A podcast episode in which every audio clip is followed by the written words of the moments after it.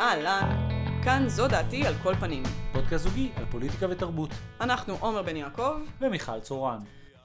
טוב, ברוכים הבאים. וברוכות הבאות. ברוכות הבאות. פרק 25, איזה טירוף. Uh, מה עוד אנחנו זה? מה, מה את אומרת על ה-ever given? ראית את זה? הצרבת ב- בתעלת סואץ? כן, כמו ראיתי עצם ש... בגרון, כמו שאומרים? כן, ראיתי שאורי גלר אבל פתר את זה, אז אפשר לנשום לרווחה. כן, אורי גלר פתר את זה, זו ידיעה מדהימה. Um, אני ממש נורא אהבתי בידיעה שאורי גלר כאילו פתר את הספינה, זה שכאילו מין, היא באה אחרי שהבעיה נפתרה. כן, זה לא שכאילו נגיד לפני, בתוך כל התקופה שהייתה תקוע שם, אורי גלר כאילו בא ואמר אני הולך לשחרר את זה, ואמרו לו לא, לא, אחי, אנחנו נכון. רוצים לעשות את זה the normal way, כאילו בלי, בלי קפטן אמריקה הפעם, ואז הוא כאילו בכל זאת, כמו ויג'לנטי טוב, פעל מאחורי הגב שלהם, לא, לא, הוא חיכה שזה ישתחרר, ואז אמר, כן, זה, that was me. זה כמו הארגונים האלה שלוקחים, אה, אתה יודע, שמנכסים פיגועים. כן, כן, לקח אחריות. זה- היינו אנחנו, אה, כן, אנחנו כן. החמאס עשינו את זה. כן. אני זוכר שבתקופה הזאת שבאמת התחיל דאעש, היה רגע שכאילו מין דאעש הבינו שכאילו כל פעם שמשהו רע קורה בעולם, הם צריכים, לקחת על זה כן, הם אחריות. צריכים לנכס. כן, הם כאילו מין, אה, צלחת שנשברה לך בבית, דאעש, את זה, את קצת כמו מרקורי בנסיגה. כן, בדיוק. נכון? כל הדברים הרעים, זה... מה שאני קצת אהבתי בסיפור הזה של התעלה זה שאני מרגיש שכאילו מין, זה, זה אכן אירוע חריג, אבל אני מרגיש שכאילו מין, אנחנו ממש בעונת המלפפונים בעולם, כאילו ביידן נכנס לזה, באמת אין חדשות יותר, זאת אומרת ביחס למה שהיינו, כאילו התרגלנו בארבע שנים כן. האחרונות, ו- וחזרנו למצב הישן שבו אה, מדינות שונות מתחרות על תשומת לב בינלאומית, ואני רוצה לפרגן למצרים, אני מרגיש שמצרים נורא טובה בלמקם את עצמה, כאילו, יש מלא מדינות, זאת אומרת, יש כל הזמן דברים שקורים במצרים, מצרים ממש מצליחה לייצר הרבה ניוז בינלאומי, אז זה אהבתי, כאילו אהבתי, כן. הרגשתי שכאילו גם ברמה ויזואלית, כאילו היה פה ממש... הם אה, הצליחו לעשות עניין מפקק ימי. כן, כן, כן, ש... כאילו כן, גם הזכירו, אולי זה בעצם היה כאילו מין, זה, זה פרסום סמוי לתעלת סואץ, כאילו, אם, אם אתם עדיין מפליגים סביב אפריקה, אז תדעו לכם נכון. שיש פתרון אחר, נכון. נקרא תעלת סואץ. בעיקר עכשיו לקראת אה, אה, פתיחת אה, עונת התיירות מחדש, אם מישהו רוצה כן. ככה לבוא, לבקר, לראות מה השתנה בתעלה. כן, כן. שמעתי שיש כאילו שי תענוגות שעושה את התעלה לאורכה, פשוט זה. האמת שהייתי די הולך על זה, כאילו? הייתי, האמת, מי, לא יודע, תעלת סואץ נראה לי מקום די מעניין, כאילו, לא היית רוצה לראות איך מחברים, כאילו, זה לא היה נראה לך מגניב? הייתי רוצה, אם הייתי בספינה שבה דודו אהרון היה אה, שר נונסטופ, אם היו מחזיקים את דודו אהרון בבטן הספינה, והיו מוציאים אותו רק לשיר כמה שירים ולהחזיר. זה, זה אחלה רעיון. כן. מה שאני אהבתי גם בסיפור הזה של, ה, של התעלה ושל הספינה שתקועה שם, זה שכאילו מין, את יודעת, יש כאילו, אנחנו בעידן הדיגיטלי, וענן, ו-NFTs וזה, ואז אתה אומר, לא, לא, יש, יש ספינות שגוררות דברים מקצה אחד לקצה שני של העולם. נכון, וכאילו, אני תמיד מופתעת שעדיין יש ספינות. אבל לא, לא סתם יש ספינות, יש מלא מהם, והן ענקיות, וכאילו, הסיפור פה בדיוק היה שהיא נתקעה בגלל שבאמת היה כל כך הרבה junk עליה, וכאילו מין, בסופו של דבר, כן, יש כלכלה אמיתית, זה בדיוק כמו עם הענן. כאילו, מה זה הענן? הענן המופשט, זה בעצם חוות סרברים בנורבגיה, כן. שמייצרת חור באוזון נכון. בגודל של ניו זילנד. אנחנו נורא וכאילו- התרגלנו לחשוב ש, שכבר אין כאילו קיום ממשי וגשמי לדברים, אבל... כן. זה- זאת אומרת, זו בעיה שיכלה להיווצר גם לפני 70 שנה. הייתי אפילו מחדד, היא לא קרתה לפני 70 שנה, כי לפני 70 שנה היה איזה, נקרא לזה, הלימה לפחות בסיסית בין כמות הספינות נכון, לבין לא כמות הסחורות. כמות. פה עכשיו מעמיסים יתר על המידה, כי הכל דיגיטלי, את מבינה, והכל צריך להופיע על הדלת שלך תוך שנייה, אז צריך ממש לזרז את האופן שבו דברים מקצה, זזים מקצה לקצה. פשוט הממד המטריאלי כל כך מרגש בעיניי, כי אתה אומר, הכלכלה המודרנית מסתכמת לזה שכאילו ספינה שמנה תקועה נגד התנועה בתוך מעבר ימי צר. כאילו כן. זה ה... This is the world economy in 2021. כאילו. נכון, אבל זה באמת מתאפשר רק כי אנחנו מדמיינים את הדבר הזה, כי אנחנו רגילים לראות מין מעטפה כזאת, גרפיקה של מעטפה שעושה וכאילו מין, אומר, כן. אוקיי, זה הגיע אליי. כן. אתה לא באמת, אתה לא זוכר שיש לזה, שזה הכ- הכל מעוגן במציאות. אנחנו נורא קל לשכוח, ואני גם מרגישה שבכוונת מכוון משכיחים את זה מאיתנו, שיש אינטרס שלא נזכור את זה, כן, אבל חשוב לזכור שלהכל יש עיגון במציאות. כן. גם לביטקוין. גם לביטקוין, בעיקר לביטקוין, בעיקר לאתיריום, ואנחנו על זה בהמשך. Uh, טוב, עוד פעם דברים שתקועים בגרון, תוצאות הבחירות. Uh, איזה טירוף, אה? מי היה מאמין? תוצאות הבחירות, האומנם? האומנם? לא, אני... זה... לא, כי אני לא... לא כל כך התבשרתי על תוצאות, אני לא יודעת איזה מידע יש לך. לא, מה זאת אומרת, יש תוצאות סופיות כבר uh, מיום כזה. בסדר, יש תוצאות סופיות, אבל... תראי, אה, אני אחזור על הבדיחה שלי. יכולנו, א', לפתוח את העיתון מלפני אה, זה. מלפני שלושה חודשים, מתי פעם האחרונה שהיה... אה, היה בחירות בדיוק לפני שנה, במרץ 20. אה, זה היה שנה? כן, כן, הגענו לשנה. וואו, זה מרגיש נורא קרוב. נכון, זה מרגיש נורא קרוב, וזה גם דרך אגב באמת יחסית קרוב, כי שנה זה, זה לא כזה הרבה זמן אם חושבים על זה. זאת אומרת, זה שזה נתפס בינינו כהרבה זמן זה דפוק. רק אני אגיד שמה שמדהים בזה זה שמסתבר שאם אתה עושה בחירות שוב ושוב ושוב, אז אנשים בגדול מצביעים אותו דבר שוב ושוב ושוב. מטורף. זאת אומרת, זה מטורף. מי היה מאמין? כן, אנחנו, אנחנו תקועים באיזה מצב שלכאורה יש כאילו, הכל תקוע, um, בגלל שכאילו ביבי לא זז וזה, וכאילו רוצים להעיף את ביבי. זה נכון. מצד שני, דברים גם תקועים כי אנחנו literally חוזרים על אותו בחירות שוב ושוב. עכשיו, כל הזמן אנחנו עושים, אנחנו עושים שינויים נורא קטנים. ואז אותו תוצאות שמשחזרות את עצמן מופיעות כדבר לכאורה שונה. אבל בעצם, אם חושבים על זה לעומק, בעצם יש שוויון בין שתי הגושים, עם איזה גוש קטן באמצע שעלול להכריע את זה. עכשיו, השאלה זה מי זה הגוש הזה, היא שאלה באמת נקרא לזה מעניינת באיזשהו מובן, אבל היא גם בהרבה מובנים... חסרת חשיבות. היא גם בשאלה חסרת חשיבות, בדיוק, כי, כי, כי, כי ה plot lines תקועים. בעצם הפתרון היחיד למצב הנוכחי, מבחינה פוליטית, במובן האמיתי, זה שהליכוד יעשו פוטש. צריך להעיף. אם הליכוד יעיפו את ביבי מבפנים, כל הבעיה של המערכת הפוליטית נפתרת, ואז אפשר להקים את הממשלה שבעצם מייצגת את עם ישראל, שהיא מין ממשלת ימין מרכז. לפיד, בין לפיד, מצד אחד לפיד וגנץ, ומצד שני פשיסטים מטורפים ואנשים שהם על הספקטרום ביניהם, בין נקרא לזה מרכז בינוני א-פוליטי, לימין פשיסטי אה, אתנו-יהודי, איך זה נקרא? סופרמסי, כאילו. אתה יודע מה הכי מטורף בעיניי בכל התוצאות של הבחירות ובכלל במפה הפוליטית בישראל עכשיו? לא, תספרי לי בבקשה. אני אגיד לך, זה שאני חושבת שהגושים לא באמת מחולקים בצורה אינטואיטיבית. כאילו, אני, אה, מה, את לא מזדהה עם גוש השינוי? לא, לא, אני, אני, אני צריכה להסביר את זה. על, כאילו, על פניו, בשביל חייזר שמגיע אה, אה, לכדור הארץ מכוכב אחר, אז המפלגות שהן דומות זו לזו, זה קבוצה ראשונה, הליכוד, כחול לבן, ו- ויש עתיד. כן. זה קבוצה ראשונה, כי זה, זה, זה באמת מפלגות. נכון, מרכז ימין ליברליות, כן. נכון, העמדות דומות, יש איזה, אה, אה, אתה יודע, אה, מורכבות מגברים לבנים, עם עבר צבאי וחזון אה, אה, קפיטליסטי ולאומנות מסוימת, אבל, אבל, אבל מרוככת. כן, נעה בין לאומנות מתונה. ספקטרום של לאומנות... לאומנות אה, נאורה, מ- נכון. מתונה ולאומנות פשוט. שזה באמת מייצג אה, אה, הרבה מהעם הזה, וגם במספרים אין, אין מהוות אה, אה, את רוב, ה, אה, את רוב גוש המנדטים. מרכזי, נגיד, לא. עכשיו, הבאים בתור זה המפלגות של הערבים והדתיים. ביחד, שמעבר לזה שהם לא מסכימים על באיזה דת להאמין, על כל שאר הנושאים הן מסכימות. לא, אז זה נגיד, פה, פה את לא צודקת, כי דווקא אני, מה שרציתי לדבר עליו, זה מה שדווקא מעניין, הבחירות האלה, זה המתח בין רע"מ לבין המשותפת, כי דווקא המשותפת היא מפלגה חילונית שמאלנית, נכון. ורע"מ היא מפלגה ימנית. נכון. זאת אומרת, אבל- יש דמיון בין רע"מ לציונות הדתית. נכון, יש וימינה. דמיון. ב- ב- בגלל זה היחידה שלא נכנסת לי לסכמה זה באמת המשותפת, אבל נגיד שזה רע"מ והדתיות, אפשר לחלוטין לכנס אותם ביחד, כי הערכים הם מאוד מאוד דומים ומשותפים. אנטי-הומואים, משפחות גדולות, ממש. כן, הול שבנג. אה, אה, אה, מפלגות גם, אתה יודע, מגזריות, עם נטייה. לסוציאליזם, שעוסקות בכזה, אתה יודע, מין... לא סוציאליזם, פופוליזם של ה- למ- למצביעים כן, שלהם, אבל כן. מתעסקות במין ריאל פוליטיק כזה כן, מקומי מאוד, נכון. לוקאלי. זה.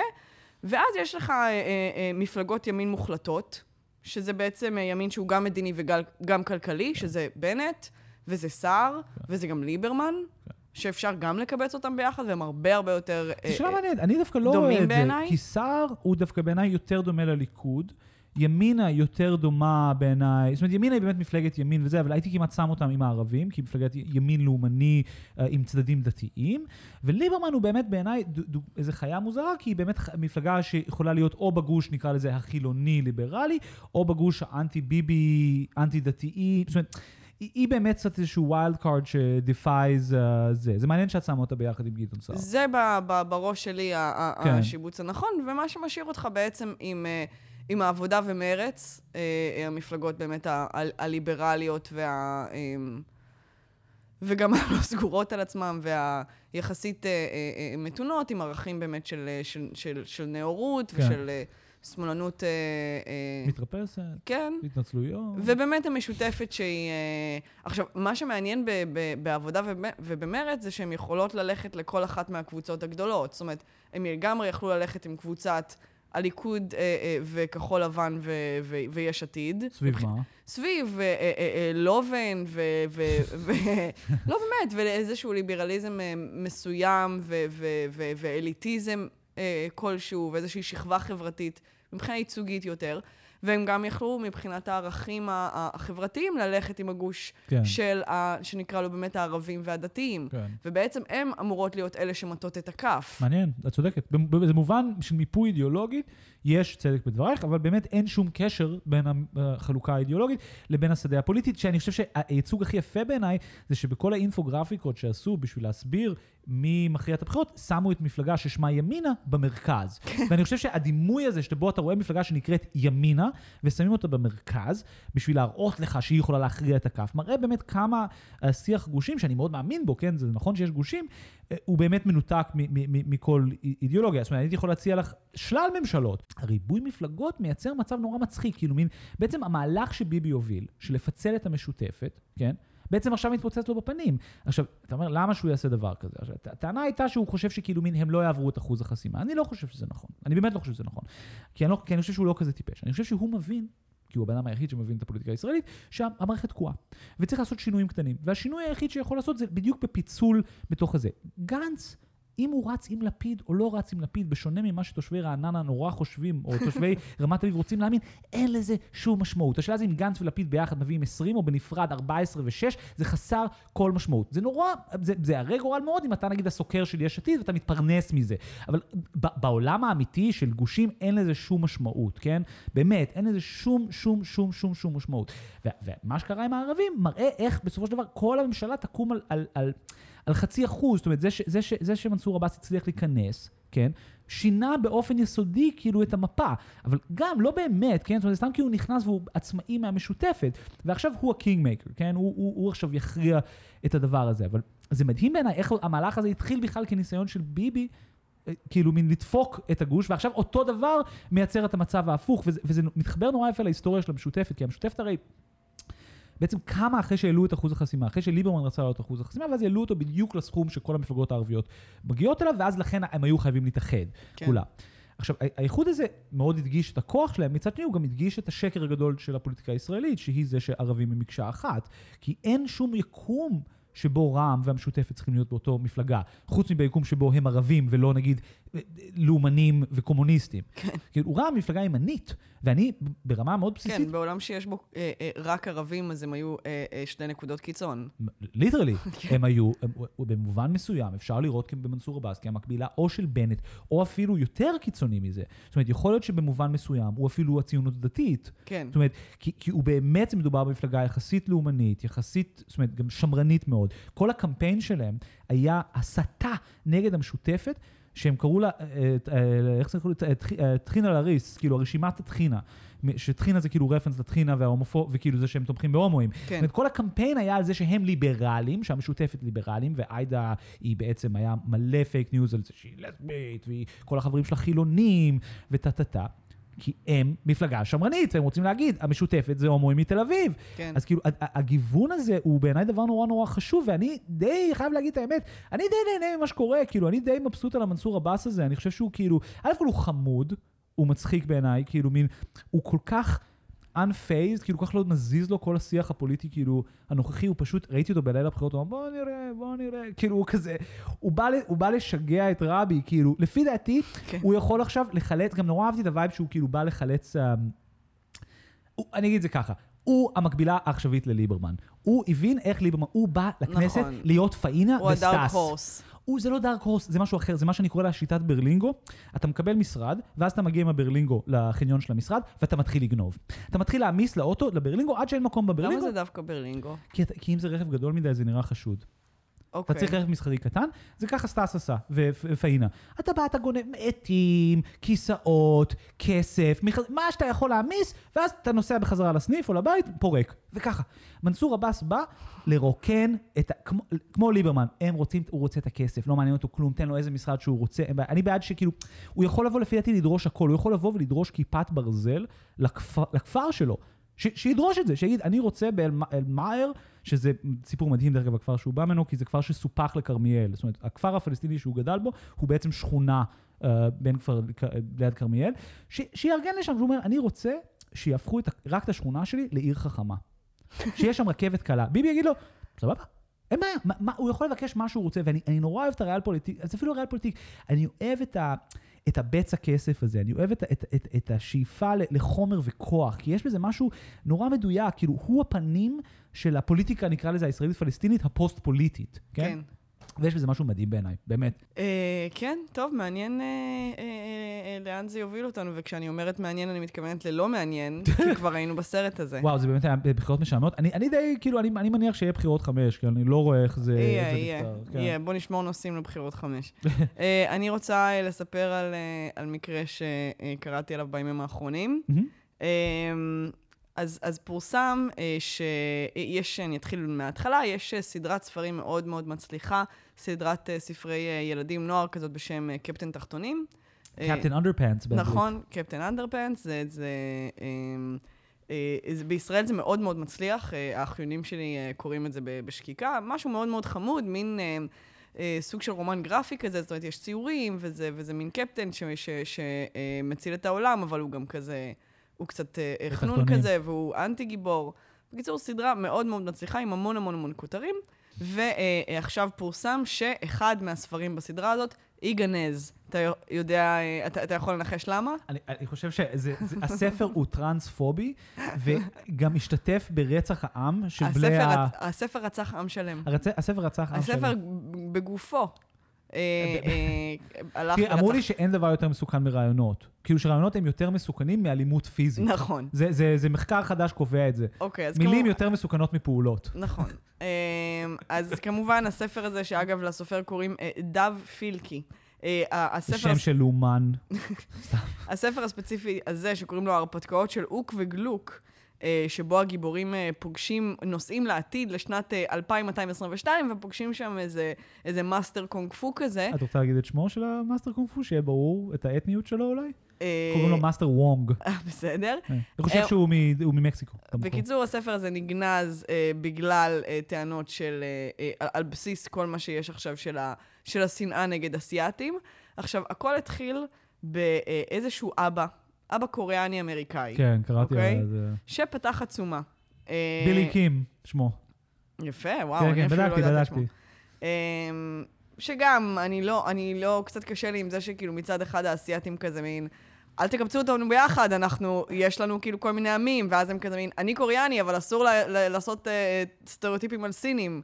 כאילו, אז או, ש, שאתם את- קבוצה אחת, או. שאתם לא קבוצה אחת. קלטת דרך אגב בדיוק את הייחוס, זאת אומרת, מה הקבוצה פה? זה Asian Americans and Pacific Islanders. עזוב, אתה קופץ אה, אה, לעתיד, אה, עוד לא. דיברנו על זה, אתה לא מקשיב לי. sorry. אז בילי קים, אז הוא... אז אותו אבא פתח עצומה, שבה הוא מפרט כמה שהספר הזה באמת מעודד סטריאוטיפים אסיאתיים, שאחד מהם זה שיש שם באמת את המאסטר הזה, שהוא כמובן, יש לו קווים במקום עיניים, שזה אה, נוראי, ויש לו איזה ז'קט סיני כזה, אה, ושבסוף מי שמציל אותו זה השני ילדים האלה, שהוא לימד אותם אומנויות לחימה, ובסוף הם מצילים אותו באמצעות אומנות לחימה. טוב, זה ברור שזה סיפור לא על חינוך ולא על איך מישהו יכול ללמוד מהמאסטר שלו ולהשתפר, אלא על איך צריך להרוג אה, אנשים אסיאתיים, כי הם נחותים.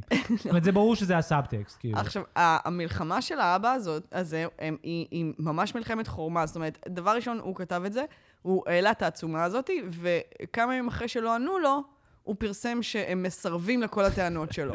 אחרי זה ראו שיש עריכה כזאת, והוא הוסיף שהוא בעצם פירש את, ה, את החוסר תשובה שלהם כ, כהתנגדות, שזה כבר, אתה יודע, כן. די מוטרף. כן, כן. אה, וגם אחרי שענו לו בצורה די מדהימה, ואמרו לו שהספר ייגנז, כן, האמת שזה, נתנו לו תשובה נורא מכבדת. הוא ו- אמר שזה לא מספיק. The damage is done. The damage is done. אני גם הזדעזעתי מזה. הנזק כבר נעשה. אבל הבנת מה הנזק שנעשה?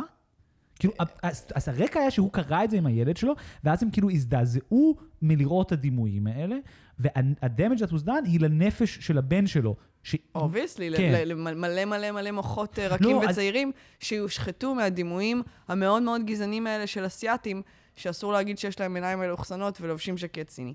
עכשיו, אה, אה, הוא, הוא דרש עוד דברים, אה, היה לו, זאת אומרת, רשימה אה, די, די מוטרפת, זאת אומרת, מעבר לזה שה... שהספר אה, אה, ירד מהמדפים, הוא רצה שהם ייצרו קשר עם ספריות ובתי ספר אה, בכל אמריקה כדי לידע אותם בסכנה שטמונה בספר הנוראי הזה. הוא ביקש שהם יתרמו לאיזשהו ארגון כזה של אסיאתים כן, אמריקאים, כן. מה שנקבת בשמו אה, אה, קודם. עכשיו, כל הדברים האלה קרו. כל הדברים האלה, הם, הם, הם קרו, וגם הפילקי הזה, הסופר, וגם ההוצאה... אה, Scholastic. Scholastic, הוצאה מכובדת מאוד, פרסמו התנצלויות, ופרסמו שהם אשכרה יתרמו לארגון הזה אה, כסף, וכל אזכור של הספר נמחק מהאתר של ההוצאה. וגם נראה, לפי דעתי הוציאו להורג את כל מי שקרא את הספר בשביל לוודא שלא יהיה, לא יהיה זה, וגם עבדו, הלכו אחורה בזמן ומחקו כל אזכור. כן, תראי, זה פשוט... כל משהו עם השורש אה, אייז'. כן, כאילו, לא, זה פשוט, זה באמת, עכשיו, אתה אומר, הבן אדם הזה כאילו מין, עזבי שהוא, שוב, זה, זה מתחבר למה שדיברנו בהקשר של בון אפטיט, הצלחת, הצלחת, אוקיי? לא משנה מה המוטיבציה שלך, אני חושב שאתה צבוע ואני חושב שהמוטיבציות שלך לא טהורות, אבל נניח את זה בצד, הצלחת. למה אתה צריך, זאת אומרת, למה צריך את כל ה performance outrage הזה, אני, the damage is done, זה לא משנה, הבן שלי לעולם לא יהיה אותו דבר, כאילו, למה? כי הוא גדל בעולם שזה, כאילו, השתי טענות שהעלו נגדם, הם, הם, רק אני רוצה לתת שנייה, להתעכב שנייה על המושג. Passive גם racism. אני, זה כתוב לי בהערות. כן. אה, אה, בעצם ה-passive racism הזה. עכשיו, רק אני רוצה להזכיר מה הרקע לאירוע הזה. הרקע לדיון הזה הוא באמת הקמפיין Stop Asian Hate, כן. שהרקע שלו הוא בשונה ממה שאנשים כמו הבילי הזה רוצים שנחשוב, הוא דווקא לא אלימות נקרא לזה פסיבית, או לא אלימות סמלית. לא, זה די אקטיבי, הם טובחים שם באנשים. עכשיו, טובחים שם באנשים. עכשיו, כמו עם ה-Black Lives Matter, אתה מגלה תופעה אמיתית שאומרת, באמריקה יש בעיה של אלימות פיזית כלפי כל מיני קבוצות, שהאלימות הזאת מתבטאת במישור הפיזי. האם יש לה גם אספקטים תרבותיים? 100%. האם בכלל לדיכוי תרבותי ולגזענות יש גם אספקטים תרבותיים? 100%. האם הטובחים בג'ורג'יה הם, הם אלה. שכילדים קראו את קפטן תחתונים? לא! קשה לי להאמין. לא, ויותר מזה, אני רוצה להגיד, יש פה, אני חושב, וזה מתחבר בדיוק למה שדיברנו מקודם, על מי שיש מי שרוצה שנשכח שלסחורות יש ממשות. אז יש מי שרוצה שלא נעשה את ההבחנה בין passive racism לבין active violence, ואני חושב שיש לזה שלל סיבות. אבל אני חושב שנורא חשוב לעמוד על ה... נקרא לזה כמעט על, על, על, על, על המוסרנות והתיאור, הניקוי אורוות הזה, כי, כי סקולסטיק התנצלו. אמרו, together we recognize, הוא אומר together עם הסופר, סקולסטיק אמרו בתגובה, we, we, recognize that this book uh, perpetrates passive racism. עכשיו בוא, אני רוצה להקריא לך את התגובה של הסופר. זה נשמע, באמת אני אומר לך, כמו עדויות, אני, אני לא מאמין שאני מדבר ככה, זה נשמע כמו בן אדם שברוסיה הסטליניסטית מעמידים אותו למשפט על פשעים נגד האידיאולוגיה, והוא בא עכשיו לבקש סליחה. אפשר לחשוב, בוא נגיד שהספר באמת נגוע- בגזענות. גם אז זה לא מצדיק את כל התגובה הזאת. We are deeply sorry for this serious mistake. It was intended to show uh, to showcase diversity, equality, and nonviolent conflict resolution. But this this week, it was brought to my attention that this book also contains harmful racial stereotypes and passive racist imagery. I want to take this opportunity to publicly apologize for this. It was and it is wrong, and it was and it is harmful to all my Asian friends, family, and to all Asian people everywhere. ואתה אומר, לא, זה לא, זה פשוט לא. זאת אומרת, יכול להיות שאתה גם רוצה להיות חלק מתיקון יותר רחב, שיש לו גם איזשהו אספקט של זה. אבל בוא נזכר באירוע שקרה בג'ורג'יה. בן אדם לבן, צעיר מאוד, נכנס למקום של מסאז'ים וספא, והרג בעיקר נשים, בגלל שהוא היה מכור למין, והיה נוצרי אוונגליסטי, ומבחינתו זה שיש uh, מקומות שאתה יכול לבוא לקבל happy ending hand job, זה סמל לפיתוי, וצריך לעצור את הפיתוי. זה בעצם היה אלימות. מגדרית כן. ואלימות מוסרית, שהסיבה שהאסייתים היו הקורבן שלה זה באמת כי יש, ב- זאת אומרת, יש הלימה בין דיכוי כלכלי ודיכוי מגדרי בהקשר הזה לבין נשים אסייתיות, אבל זה לא קשור לזה שהם אסייתים. והתקיפה שלו, כל השפה שלה היא של מוסרנות נוצרית ושל סקס אדיקט, ולכן זה באמת קשור לנשים אסייתיות, במקרה הכי, הכי זה, זה לא קשור לקפטן תחתונים, זה לא קשור גם לסיפור הנוסף שהיה סביב זה, שזה דוקטור סוס. אז באמת גם ההוצאה של, אה, של דוקטור סוס גנזה שישה מהספרים שלו. אה, יש המון ספרים, אבל זה אחוז בכל זאת גבוה. אה, ושוב, בגלל אה, כל מיני דימויים, היה שם אסיאתי שמחזיק אה, אני יכול מקלות. להקריא, רשמתי. בספר, I think that I saw, I think I saw it on Mulber- Mulber- Mulberry Street, זה ספר של דוקטור סוס, כתוב שהיה דמות של a Chinese man with sticks. כן. ובספר אחר שנקרא If I ran a zoo, יש שתי גברים שמתואר שהם מאפריקה, והם לובשים חציות דשא. כן. אה, עכשיו, בסדר, היו הרבה דימויים די גזעניים בדוקטור סוס, כן? זה לא... בדוק. אה, זה לא, אה, אה, זה לא דבר שאפשר להתווכח עליו, אבל אני חושבת שזו טעות גדולה לעשות את זה.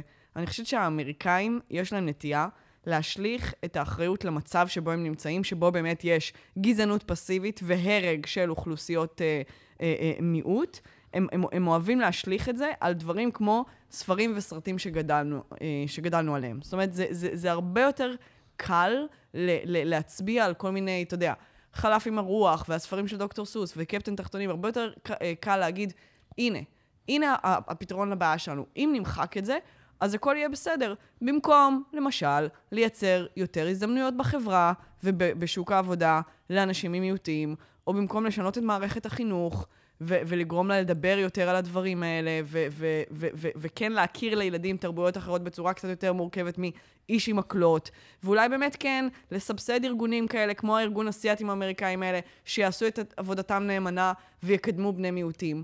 לא. ברור ש- ש- שפעולות, אה, אתה יודע, שורשיות, אף אחד לא רוצה לעשות. אז, אז בואו נגנוז ספרים שכולם גדלו עליהם ולא באמת מהווים אה, אה, אה, סכנה גדולה. אני באמת לא חושבת לא, שיש אני- קשר בין, ה, בין הדברים האלה, וגם צריך לזכור שזה ספרי ילדים. ילדים, לא, באמת, ילדים לא מצליחים...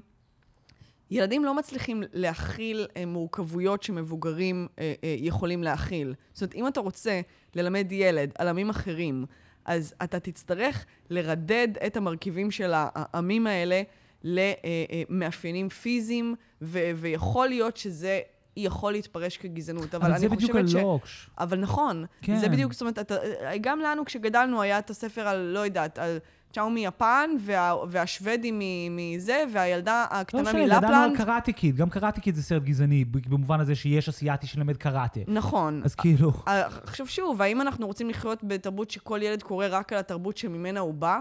לא זה יעשה בידוד וניכור ויכול לא, הלוקש... לייצר אה, איזשהו, אה, אה, אתה יודע, עליונות גזעית, אם אתה בכלל לא מכיר שום דבר אחר? הלוקש הוא שעליונות גזעית, או שאלימות גזעית, מתממשת ברמה התרבותית. זו טענה ישנה של הימין, שנועדה לייצר את מה שבאמריקה מכנים ה-culture wars, ואין לו שום קשר למציאות. עכשיו, זה שהשמאל אימץ את זה במסגרת ה-identity politics, זה אחלה, אבל אין לזה שום קשר. ילד שחשוף לתכנים שיש להם, נקרא לזה, נגיעות גזעניות, לא בהכרח יהיה גזען. להתחשב בעובדה שכמו שאנחנו למדים, כל סרט שנעשה לפני 2020 היה סרט גזעני נכון. בעצם. אז, אז לא, גם בסדר, אז אפשר לקבל את הטענה שזה גזעני, אבל צריך לעבוד על להוסיף עוד דימויים שיאזנו את זה, ולא לגנוז את מה שיש. אז תקראו את דוקטור סוס כהורים עם הילדים שלכם, ואחר כך תקראו איתו ספר על שני אה, אה, אה, אה, אה, סינים אמריקאים, הומואים, שגרים בוויליאמסבורג ביחד ומגדלים ילדה. אני בטוחה שכבר אה, אה, כן. היום המציאו את הספר הזה, כי כל הזמן ממציאים את הספרים האלה, אז אני חושבת שאנחנו בסדר. לא, את יש לנו את. הספרים האלה, ויש לנו את דוקטור סוס, ובואו נקרא את כולם ביחד, ונייצר חוויית חיים לא, מורכבת לילדים. העניין הוא אחר. העניין הוא איך מייצרים מצב שבו אה, האבא הזה, אפשר להעמיד פנים שהוא קורבן. שבן אדם שמצליח להרים קמפיין מהבית, ו obviously מצליח, יודע לנהל את התקשורת, אנחנו אגב, היו לו מה זה מעט חתימות? זה לא, לא, זה, זה, פחות זה, מ-300. לא, לא משנה, זאת אומרת, זה, זה, זה, במקום להכיר במציאות שבו יש אנשים מאתניים שונים שיש להם כוח, ובמקביל לזה יש אלימות כלפי אנשים ממעמד נמוך, במקום זה מעמידים פנים שבן אדם שיכול להרים קמפיין שגורם ל, ל, ל, ל, לאחד מההוצאות הספרי ילדים הכי גדולות בעולם להתקפל, הוא בן אדם חלש. אוקיי? והוא הקורבן בסיפור פה, כן? במקום להסתכל על הסיפור האמיתי, שהוא הסיפור האמיתי, הוא זה שיש אלימות פיזית כלפי אנשים אסיאתים, בפרט כלפי נשים אסיאתיות. באופן כללי יש באמריקה בעיה, וזה בדיוק היה הרקע של הירי הזה, וזה, ככל שאני קורא יותר על הירי הזה, וגם ככל שאני רואה, כי היו באמת, באמת יש הרבה אלימות כלפי, בעיקר נשים אסיאתיות באמריקה, זאת אומרת, זו בעיה אמיתית, בדיוק כמו, כמו הירי של השוטרים את השחורים. זו בעיה מאוד אמיתית. פשוט, מה שמופיע בדיון התרבותי מנותק מזה. כי אתה קורא שוב, אני קראתי אתמול את, ה, את, ה, את, ה, את העדויות של היורה מג'ורג'ה. אתה פשוט אומר, בוא'נה, זה פשוט אלימות מגדרית נגד נשים בזנות. זה הדבר היחיד שקרה פה. זאת אומרת, הוא אה, אשכרה אומר, זה שיש מקום, שיש בו פיתויים, צריך לחסל את הפיתויים. עכשיו, באמריקה אי אפשר לנהל דיון על זה, אי אפשר לעשות דיון על זה, כי באמריקה יש שיח sex positive סביב sex workers. הם לא נשים בזנות, אנחנו מעצימים אותם. עכשיו, למה מעצימים אותם? בשביל שכל מיני college girls לבנות, לבנות יוכלו לעשות אונלי פאנס, שבו הן רוקדות בחוטיני ומקבלות כסף, כן? ואנחנו צריכים להעמיד פנים שזה אותו דבר, הבחירה הזאת שהן עושות ב- ב- ב- בדורם שלהם, במקום לעבוד כמלצריות, זה אותו דבר כמו אישה שבאמת צריכה לעבוד במס- במסע שלה בשביל לממן את החיים שלה, ואין לה שום ברירה אחרת בעולם, כן. ובסוף היא צריכה לעשות ביד לג- לגבר שבעוד שבועיים יהרוג אותה. ואני צריך להעמיד פנים מבינים שהמערכת שיקולים שנכנסת לאלימות הזאת, האלימות היום, יומיומית שהיא חובה, כן? ובסוף האלימות הפיזית שהיא חובה כסקס וורקר, כן? אני צריך להעמיד פנים שזה קשור לדוקטור סוס. ואני צריך להעמיד פנים שזה קשור לדוקטור סוס ולקפטן תחתונים, בשביל שבילי קים הזה יוכל למסגר את הטראומה של הבן שלו כשקול הטראומה שלה. וזה לא שקול. ואם הוא יודע להרים קמפיין, ואם הוא יודע לעשות את זה, הוא לא בן אדם חלש בחברה הזאת. האם גם הוא חווה גזענות? מאוד יכול להיות. האם יש איזשהו קשר בין הגזענות הזאת לבין הירי? יכול להיות. האם זה אותו סוג של בעיה? מה פתאום? אין שום קשר בין הדברים האלה. וזה מה שמטורף פה. כי במקום לדבר על האלימות, על איך נשים נגיד אסיאתיות באמריקה באמת מחופצנות, איך יש... איך הן נשלחות לעבודות שבו הן חשופות. מגדרית, מינית, אלימית, אפילו לחומרים של, של, של, של, של הציפורניים. באמת אני אומר, זה שהן עובדות, זה, לא, זה, אי אפשר לנהל את הדיון הזה, כי זה דיון כלכלי, ואין בעיה כלכלית באמריקה, נכון? כולם chasing their opportunities, כולם empowered sex workers, כן? אבל מה כן, הם אייז'ן, אז, אז זה הסיפור. זה לא הסיפור. הם גם אייז'ן, זה נכון. לא יודע, זה משגע אותי, כי, כי באמת ראיתי, ראיתי אתמול יצא איזה סרטון חדש, של עוד איזה מקרה של אלימות. ואתה פשוט רואה את זה, וזה פשוט, זה, זה, זה, זה קצת כמו קסטיאל, אתה אומר, זה פשוט אלימות. אין לזה שום קשר לשום דבר אחר. זה אלימות כמו כשאתה דורס חתול. כאילו, זה היחס. עכשיו, השאלה זה אם יש גזענות חברתית כלפי חתולים? כן, גם. אבל, אבל יש פה דיון לגמרי, לגמרי, לגמרי אחר בעיניי. כן. מה, התעצבנתי קצת, אה? תצסתי את עצמי פה. בעיקר, אה, אני חושבת שדיברת, אה, אה, הגברת את קצב המילים שלך לשנייה, ומי שעקב עקב, ומי שלא, אפשר להריץ בסלואו-מו. אמ, אני רוצה לספר, לאור, ה... לפני כמה שבועות דיברנו על ה-NFTs, על ה-Non-Fungible Tokens והמהפכה שזה עושה בעולם האמנות, וקיבלנו המון המון המון תגובות. וגם, uh, באמת, אתה יודע, יומיים אחרי זה התחלתי לשמוע על זה בכל מקום, ואני ממש שמחתי ש, ש, שלא עשינו את זה רגע אחרי, כי זה באמת היה... אה, זאת אומרת, או, או שזה מהמקרים האלה, כמו ש... בבקשה. אני קורא את המפה, כמו שאומרים. אני, אני כאן לא, לקרוא את המפה. לא, או שלא שמתי לב וזה היה שם כל הזמן. זה לא היה. פשוט לא, לא הבחנתי, או שפשוט... בדיוק בזמן דיברנו על זה, ואז כולם התחילו לדבר על זה, ופתאום אי אפשר להימנע מזה. תראי, התקשורת הישראלית... לרגע אחד לא ידעתי מה זה, ועכשיו אני... תראי, התקשורת הישראלית ב delay של שבועיים אחרי התקשורת האמריקאית והתקשורת הבינלאומית. אם אתה קורא תקשורת בינלאומית, אם אתה קורא כאילו אטלנטיק, סלייט, ויירד, אם אתה עוקב, אתה יודע על כל הדברים האלה, ואז כעבור שבוע זה מופיע בכל העיתונים שלך ובמהדורות, ואז אתה יודע מזה. אוקיי, אז אתה רוצה לספר לנו את הדבר ש... ש... כן, שידברו עליו עוד שבועיים. בדיוק, בדיוק. אז אני באתי עכשיו, בגלל שאני קורא את כל, ה... את כל הניוזלטרס uh, של הנכונים, כמו שאומרים, אז נחשפתי למה שנקרא DAOs. DAOs, זה כאילו NFT למתקדמים. את מוכנה? כן. The DAOs. אז The DAOs זה ראשי תיבות של Decentralized Autonomous Organization, אוקיי? Mm-hmm. ואני למדתי על זה הרבה, אז אני רוצה לתת שנייה הסבר, כי פתאום הרגשתי שיש באמת הרבה דברים פה שאולי אנשים לא, לא כאילו, רוצה לעשות סדר בסיפור, כי יש פה כן משהו מעניין, ובשונה מה-NFTs, אני כן, ה-DAOs האלה, ה-Decentralized uh, Autonomous Organizations האלה, נראים לי דווקא נושא כן מעניין, ומשהו שאני יותר אופטימי לגביו. אז קודם כל נעשה סדר. אוקיי, רק תדבר לאט. בסדר. יש ביטקוין? כן. אוקיי. ביטקוין יושב על בלוקצ'יין, כן? הבלוקצ'יין של ביטקוין זה הבלוקצ'יין שלו, כן? כבר איבדתי אותך, אבל לא, נניח. לא, זה, זה דווקא, זה מעניין, זה בדיוק העניין. יש כאילו כל מיני צ'יינים כאלה, שזה זה הפלטפורמות, ומאפשרות, אה, נקרא לזה, יחסים מורכבים בין קבצים, לדוגמה, באמת, הביטקוין. עכשיו, הביטקוין, מה שמעניין... נגיד פוליומוריה? לא, זה לא קשור לפוליומוריה. אז הבלוקצ'יין של ביטקוין, הוא יודע לעשות את הביטקוין, והוא באמת מאוד טוב בזה, אבל יש עוד בלוקצ'יין, כן? יש את האתיריום, שזה מה שאנחנו דיברנו עליו בהקשר של ה-NFTs. עכשיו, חשוב להבין, יש את הבלוקצ'יין עצמו, זה הפלטפורמה, ועליה רץ המטבע, אוקיי? אז הבלוקצ'יין של ביטקוין נקרא פשוט זה ביטקוין, זאת אומרת זה הביטקוין בלוקצ'יין, ויש עוד אחד, את האתיריום הזה. והאתיריום הזה יודע לעשות דברים שהבלוקצ'יין uh, של ביטקוין לא יודע לעשות. לדוגמה, הוא יודע לא רק לייצר את המטבעות האלה, הוא גם יודע לייצר חוזים חכמים. בגלל זה ה-NFTs כל כך הצליחו עליו. כי כל NFT זה חוזה מסוים, נכון? זה איזשהו יחס אינטראקט, זאת אומרת, אתה מגדיר את הטרנזקשן, כן? כל מה שמישהו נגיד מוכר את ה-NFT, אז מי שהיה הבעלים הראשונים שלו מקבל אחוז מסוים, וזה מעוגן בתוכו. מה זה DOA, DAO, ה-DAOs? אז ה-DAOs הם ניסיון לקחת את הדבר הזה, את החוזים המורכבים האלה, ולהמיר אותם לארגונים, אוקיי? נגיד, בוא ניקח דוגמה, במקום שאני ואת נסחור בעבודת אומנות, בוא נחשוב שאני ואת נייצר חברה, אוקיי? והחברה הזאת, היחסים בינינו מורכבים ברמת הפרוטוקול, כן? ברמת החוזה. ואז נגיד, אנחנו מכניסים עוד אנשים או מרוויחים עוד כסף, הרווחים מתחלקים בינינו בצורה אוטומטית. עכשיו, אם את מכירה, אה, נגיד בעולם העסקי, בעולם הזה, אז יש בעלות כזאת, כן? זה כבר בדיוק מזכיר סטוק, זה shareholders, כן? זה בדיוק בורד. אבל פה יש יכולת לעשות בורד ולעשות shared ownership דרך uh, חוזים בדיוק כמו ה-NFTs. עכשיו, זה נורא מעניין, כי אתה יכול, נגיד, הדאו הראשון, זה הסיפור, זה בעצם ניסו להקים קרן השקעות שיתופית. זה די מטורף, חבורת אנשים. הכניסו, אני לא יודע, סכומים די גדולים. הדאו הראשון שהקימו היה בעצם חברה בשם דאו, שהייתה Decentralized uh, Autonomous Organization, שהיה בעצם קרן השקעות, ואני חושב שזה 18 אנשים, משהו כזה, הכניסו די הרבה כסף, זאת אומרת, זה מעל מיליון דולר כל אחד. ואז פרצו להם. ואז פרצו להם. אני רוצה שאני אני אגיע לסיפור של הפריצה, כי זה סיפור מדהים. אבל הרעיון היה שהם uh, הכניסו את הכסף שלהם לאתיריום, יצרו את החברה הזאת, כן?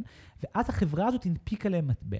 והמטבע של החברה הזאת, שיושב על האתיריום, זה לא המטבע של אתיריום, זה הטוקן של החברה הזאת, הערך שלו השתנה בהתאם להשקעות שלהם, ואז נגיד בעתיד, בסיטואציה של הנפקה, אתה לא צריך לעשות חלוקה, זאת אומרת, זה אוטומטית.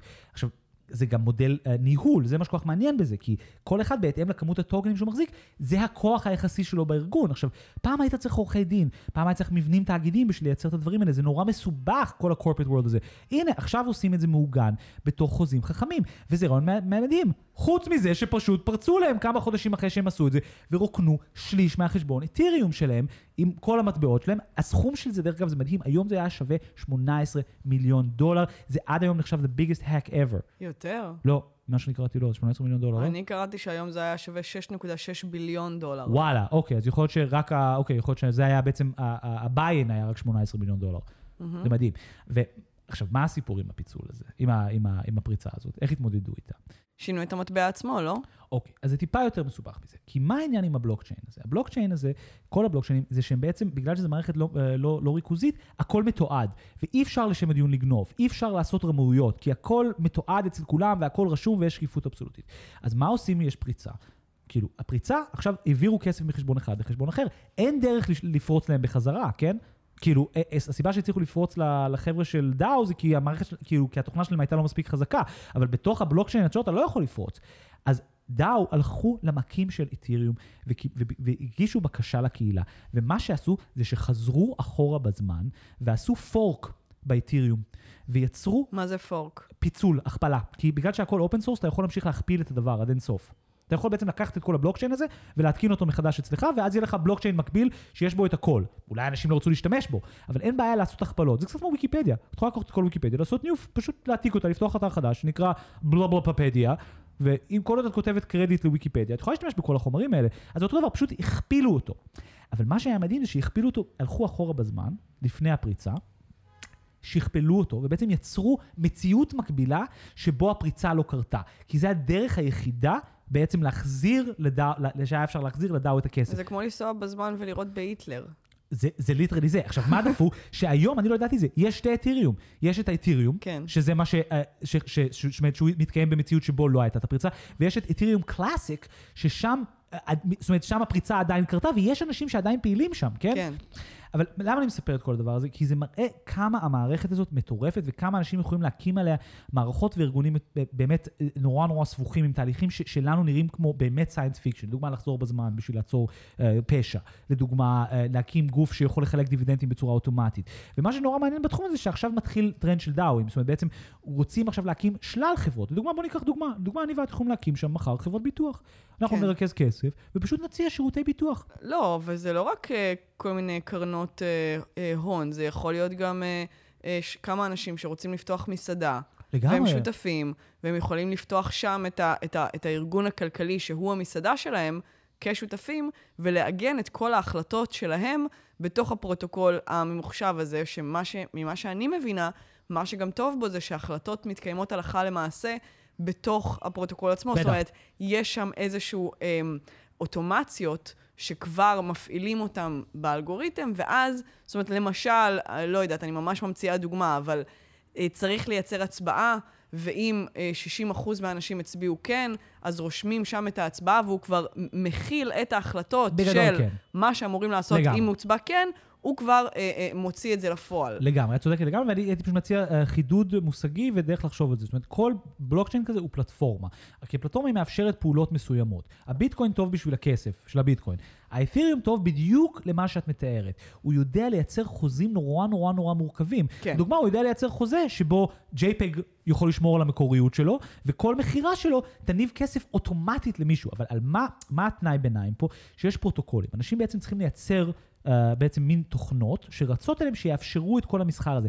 ומה שמטורף פה, ונורא מזכיר את הימי האינטרנט הראשונים, זה שכל זה גם קוד פתוח. לדוגמה, אחד מהארגוני דאו, ה marketплייסים של הדאו הם הכי גדולים, היה משהו שנקרא יוניסוואפ, כן? עכשיו, יוניסוואפ בסופו של דבר, לא היו כאלה טובים, מבחינה טכנית, אז מישהו הנפיק אחד אחר, פשוט לחצו copy paste להם. שקוראים לו סושי סוואפ. שקוראים לו סושי סוואפ, כן, בדיוק. וסושי סוואפ, שעכשיו נהיה בעצם ה market place המסחר, המרכזי לבו שאתה יכול לעשות עסקאות נוסח של DAOs, שאתה יכול נגיד להנפיק, אתה יכול לעזור, לייצר שם ארגון שייצר מטבע, שהפעילות שלו ת, תייצר ערך למטבע הזה, ואז תוכל להמיר את זה בכסף אחר, כל הדבר הזה, קורה במקום שנקרא סושי סוואפ.